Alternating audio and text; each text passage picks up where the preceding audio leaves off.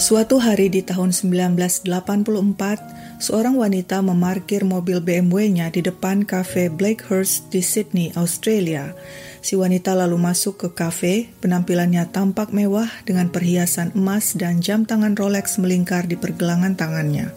Seorang pemuda, anak pemilik kafe yang sedang bekerja di kafe itu, terpesona melihat penampilan si wanita. Mereka pun berkenalan. Wanita itu bernama Rita Patricia Chai asal Malaysia. Ayahnya adalah seorang pejabat kepolisian berpangkat tinggi di Malaysia. Rita dan beberapa saudara kandungnya bersekolah dan bermukim di Sydney. Mereka hidup mewah di Australia. Sedangkan si pemuda Mark Kallio adalah warga negara Australia keturunan Italia dan seorang pemuda biasa. Sejak perkenalan pertama di kafe, hubungan Mark dan Rita semakin serius. Meski Mark lebih muda 12 tahun dari Rita, pemuda itu tidak mempermasalahkannya. Pemuda mana sih yang keberatan mendapatkan wanita kaya? Mungkin begitu pikir Mark. Tidak perlu waktu lama, keduanya memutuskan menikah pada Juli 1985. Saat itu Mark berusia 23 tahun, sedangkan Rita 35 tahun. Rita Chai kini menjadi Rita Kallio. Bersama-sama keduanya membangun jaringan usaha restoran Italia dari Australia hingga Malaysia. Dengan modal usaha dari Rita yang kaya plus kemampuan Mark yang charming dalam berbisnis dan bergaul, usaha restoran mereka berkembang pesat. Mark kini tampil beda dengan pakaian mahal dan stylish. Dia suka mengoleksi Rolex, juga mobil Mercedes-Benz, Porsche, dan Rolls-Royce. Sayangnya kemesraan pernikahan cuma berlangsung singkat. Rita memergoki suaminya Mark selingkuh dengan kenalan Rita yang juga asal Malaysia bernama Janice Yap. Dulu Rita bertemu dengan Janis di sebuah toko milik Janis di Kuala Lumpur.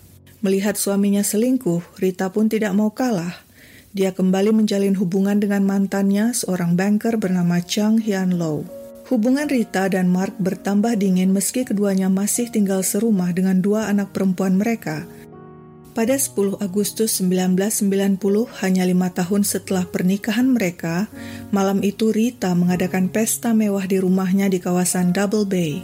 Mark, sang suami, tidak hadir karena katanya sibuk, ada urusan di restoran milik mereka. Malam itu, tamu-tamu undangan yang semuanya adalah teman Rita melihat Rita gembira sebagai tuan rumah. Hanya ada dua kali telepon yang agak mengganggu, yang saat diangkat Rita, si penelpon di seberang sana diam saja. Tengah malam pesta usai, Mark Kallio si suami belum pulang juga. Rita yang sudah lelah semalaman berpesta masuk ke kamar tidurnya. Di kamar sebelah, Neni dan dua anak perempuannya yang berusia 4 tahun dan 16 bulan sudah tidur nyenyak. Saat Rita berada di kamar mandi yang terletak di dalam kamar tidur, tiba-tiba muncul sosok pria. Pria itu menyerang dan menikamnya hingga 23 kali. Sebelum kabur, pria itu sempat menggondol koleksi perhiasan Rita. Mendengar keributan, sang neni yang berada di kamar sebelah terbangun. Dia mendengar pintu depan dibanting dan segera berlari ke lantai bawah melihat apa yang terjadi. Di gagang pintu terlihat bekas darah. Bergegas si neni kembali ke lantai atas ke kamar majikannya Rita. Rita tergeletak di lantai kamar mandi dengan luka tusukan. Wanita itu sudah tewas. Saat polisi dipanggil dan tiba di TKP, awalnya mereka memperkirakan telah terjadi perampokan di rumah keluarga Kaleo. Kemungkinan si perampok masuk dan dipergoki Rita sehingga si perampok membunuh wanita itu. Tapi setelah diteliti lagi, polisi curiga tidak ada tanda-tanda perampok masuk dengan paksaan. Pintu atau jendela tidak rusak. Kamar tidur Rita juga tampak rapi, tidak diobrak-abrik yang umum dilakukan perampok untuk mencari barang berharga. Sepertinya si perampok sudah tahu di mana Rita menyimpan perhiasannya. Sementara itu, John Morrissey, pengacara Rita yang mendengar kabar pembunuhan Rita, segera menghubungi polisi. Dia menjelaskan bahwa sekitar tiga bulan lalu Rita mendatanginya Rita bilang suaminya Mark yang selama ini membantah berselingkuh dengan Janice Yap telah mengaku. Sebab itu Rita minta pengacara menghapus nama Mark dari surat wasiat sebagai pewaris. Selain marah karena Mark telah mengkhianatinya, Rita juga menganggap selama ini Mark sudah banyak mendapatkan uang darinya. Si pengacara juga mengatakan kepada polisi Rita telah menitipkan sepucuk surat padanya. Polisi segera memeriksa surat Rita yang dimasukkan dalam amplop tertutup. Di amplop tertulis, Surat ini hanya boleh dibuka jika kematianku tidak wajar. Terjemahan surat itu kurang lebih sebagai berikut. 15 Mei 1990 Jika saya meninggal tidak wajar, harap lakukan investigasi terhadap Mark Kallio, suami saya, dan Rick Damelian, pemilik dealer mobil bekas Rick Damelian. Kematian adik saya, Dr. Michael Chai, juga disebabkan oleh mereka – Mark masih memiliki hutang sebesar 130 ribu dolar kepada Michael. Mark sangat putus asa ketika keuangannya bermasalah, sama seperti putus asanya dia saat keuangannya saya batasi ketika dia berselingkuh dengan Janice Yap, anak dari Mr. Ong Chin Chai dari Kuala Lumpur. Ini adalah kebenaran yang sesungguhnya. Jangan biarkan Mark lepas dari hal ini. Rick Damelian memakai seseorang dari Amerika Selatan untuk membunuhku tertanda Rita Kallio. Polisi memeriksa Rick Damelian, tapi terbukti pria itu tidak tahu menau tentang terbunuhnya Rita. Sedangkan Mark Kallio, suami Rita, pada saat tewasnya Rita berada di restoran mereka yang lokasinya sekitar 20 menit berkendaraan dari rumah. Staf restoran heran karena tidak biasanya Mark berada di restoran sampai tengah malam. Tapi alibi Mark kuat. Saat tewasnya Rita, dia memang berada di restoran dan hal ini dibenarkan oleh staf restoran. Meskipun surat Rita menyebut-nyebut nama Mark yang membunuhnya, tapi itu hanyalah dugaan dan tuduhan, dan polisi pun tidak punya cukup bukti untuk bisa menangkap Mark.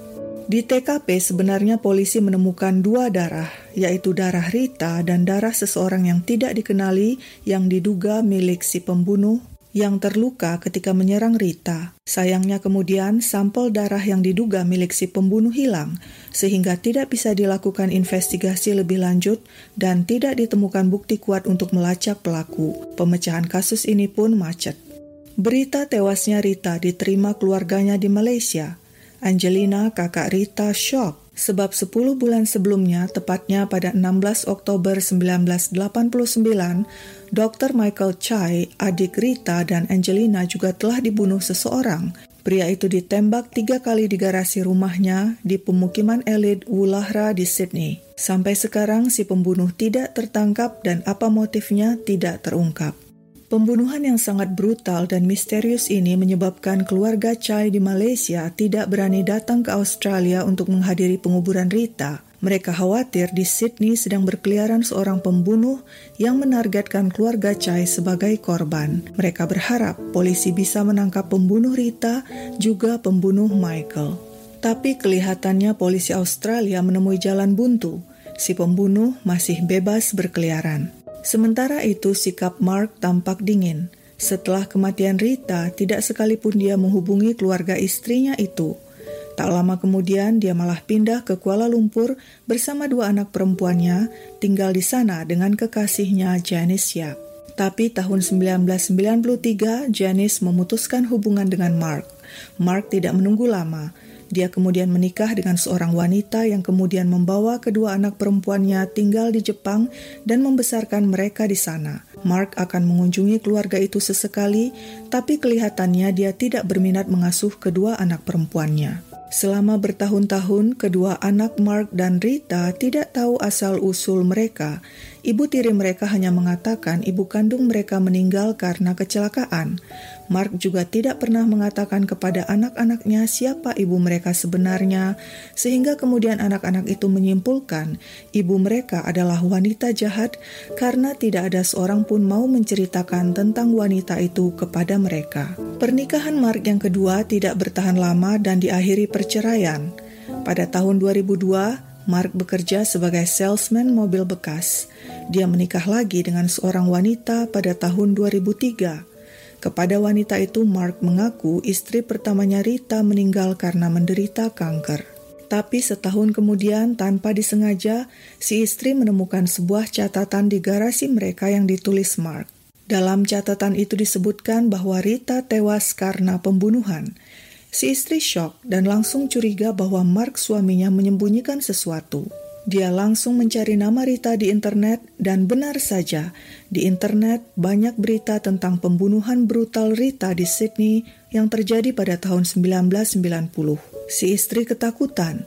Dia curiga Mark terlibat pembunuhan Rita.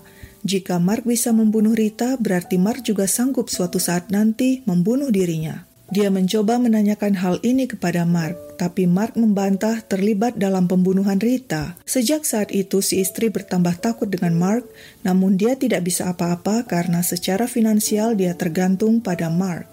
Bertahun-tahun berlalu sejak tewasnya Rita. Polisi yang masih penasaran dengan isi surat Rita yang menuding suaminya adalah pembunuh dirinya kembali membuka kasus yang sudah dingin itu pada tahun 2008.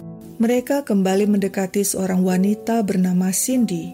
Dulu pada tahun 1990 saat terbunuhnya Rita, Cindy adalah remaja berusia 15 tahun, seorang pemakai narkoba dan penari nightclub yang sedang mengandung anak seorang bouncer atau security club bernama Alani Afu. Dulu saat ditanyai polisi tentang tewasnya Rita, Cindy bungkam. Tapi sekarang setelah Alani Afu meninggalkannya dan hidup Cindy sudah bersih dari narkoba, dia sadar dan mau membantu investigasi polisi. Dan dari pengakuan Cindy lah, misteri kematian Rita Kalio kemudian terbongkar. Cindy mengatakan kepada polisi selain jadi bouncer di Paradise Club yang berlokasi di Darlinghurst Road, Alani Afu juga menjual ganja kepada tamu-tamu klub. Pria itu dikenal dengan sebutan Tongan karena dia berasal dari Tonga. Seorang pelanggan Alani Afu adalah Antoni Stambolis yang sudah lama bekerja di restoran milik orang tua Mark Kaleo dan merupakan staf kepercayaan. Menurut Cindy, di awal tahun 1990, Mark Kaleo minta bantuan Antoni Stambolis untuk pura-pura merampok rumahnya dan mencuri perhiasan istrinya senilai ratusan ribu dolar. Tujuannya agar Mark nanti bisa mengklaim asuransi hilangnya perhiasan itu – Antoni menyanggupi dan minta bantuan Alani Afu. Alani setuju dengan pembayaran 2000 dolar, tapi kemudian Alani mendapat perintah berbeda. Bayaran dinaikkan menjadi 10.000 dolar dengan catatan selain pura-pura merampok, Alani juga harus membunuh Rita. Lebih dari 20 tahun Alani Afu tidak tertangkap karena tidak ada bukti dan pengakuan. Tapi kali ini ada informasi berharga dari Cindy. Polisi pun melacak Alani Afu. Dia sekarang tinggal di Tonga dengan istrinya dan enam orang anak. Pada bulan Oktober 2014, polisi Australia mengeluarkan surat penangkapan Alani Afu atas pembunuhan Rita Kalio. Pria itu kemudian diekstradisi dari Tonga ke Australia. Empat bulan kemudian, pada Februari 2015, Mark Kallio ditangkap dan menjadi terdakwa otak pembunuhan istrinya, Rita Kallio. Ketika akhirnya Mark disidangkan, dia dikenai dua dakwaan, membunuh istrinya Rita Kallio dan adik iparnya, Dr. Michael Chai. Di persidangan dijelaskan Mark sudah kehilangan kekayaannya dan sekarang bekerja sebagai salesman mobil bekas. Seorang teman mengatakan Mark mengaku uangnya habis karena telah diberikannya kepada Janis Yap sebagai uang tutup mulut sebab Janis Yap tahu terlalu banyak tentang sepak terjangnya. Menurut penyidik, Mark Kallio telah membunuh Dr. Michael Chai karena sengketa properti di Sydney senilai 3,6 juta dolar. Lalu karena khawatir Rita mengetahui keterlibatannya dalam pembunuhan adiknya Dr. Michael, Mark pun membayar orang untuk membunuh Rita. Jadi menurut penyidik, Mark membunuh Rita bukan karena dihapus dari daftar pewaris. Tapi Mark Kallio membantah dakwaan itu. Dia tidak membunuh Dr. Michael Chai. Menurut Mark, semasa hidupnya, Dr. Michael adalah penjudi yang terlilit hutang dengan triad Cina. Dr. Michael sering mengadu kepadanya, khawatir akan keselamatan dirinya dan keluarganya. Mark juga membantah sebagai dalang pembunuh istrinya. Di persidangan, dua mantan istri Mark Kallio ikut bersaksi. Mantan istri kedua Yuko Okamoto mengatakan Mark mengaku padanya telah membayar seseorang sebesar 50 ribu dolar untuk membunuh Dr. Michael Chai. Mantan istri ketiga, Maria Teresita Lee, menjelaskan di persidangan bahwa Mark telah berbohong padanya. Awalnya pria itu mengatakan istri pertamanya Rita meninggal karena kanker, tapi kemudian Maria menemukan informasi bahwa Rita tewas dibunuh di rumahnya. Mark tidak mau menjelaskan padanya kenapa dia berbohong tentang kematian Rita. Sementara itu di persidangan Alani Afu menyatakan dirinya tidak bersalah atas pembunuhan Rita Kalio. Tapi bukti-bukti pembunuhan Rita mengarah kepada Mark Kallio dan Alani Afu, terutama karena kesaksian Cindy yang telah membantu investigasi polisi. Selain itu, saksi kunci Anthony Stambolis juga bersaksi memberatkan Mark Kallio dan Alani Afu. Pada akhirnya pengadilan menjatuhkan hukuman 20 tahun penjara kepada Alani Afu, pembunuh Rita yang telah dibayar oleh Mark. Sementara itu Mark tidak terbukti membunuh Dr. Michael Chai, tapi dia terbukti bersalah sebagai otak pembunuh istrinya. Pada tahun 2018, Mark Kallio dijatuhi hukuman 12 tahun penjara. Akhirnya setelah lebih dari 20 tahun pembunuh Rita Kallio terungkap. Kasus ini sebagian terbantu karena adanya surat yang dititipkan Rita kepada pengacaranya yang menyebutkan suaminya Mark adalah pembunuhnya. Media yang membahas kasus pembunuhan Rita mengatakan surat itu seolah dikirim Rita dari dalam kubur untuk memecahkan pembunuhannya sendiri. Sekian dulu ceritaku, sampai jumpa di cerita lain.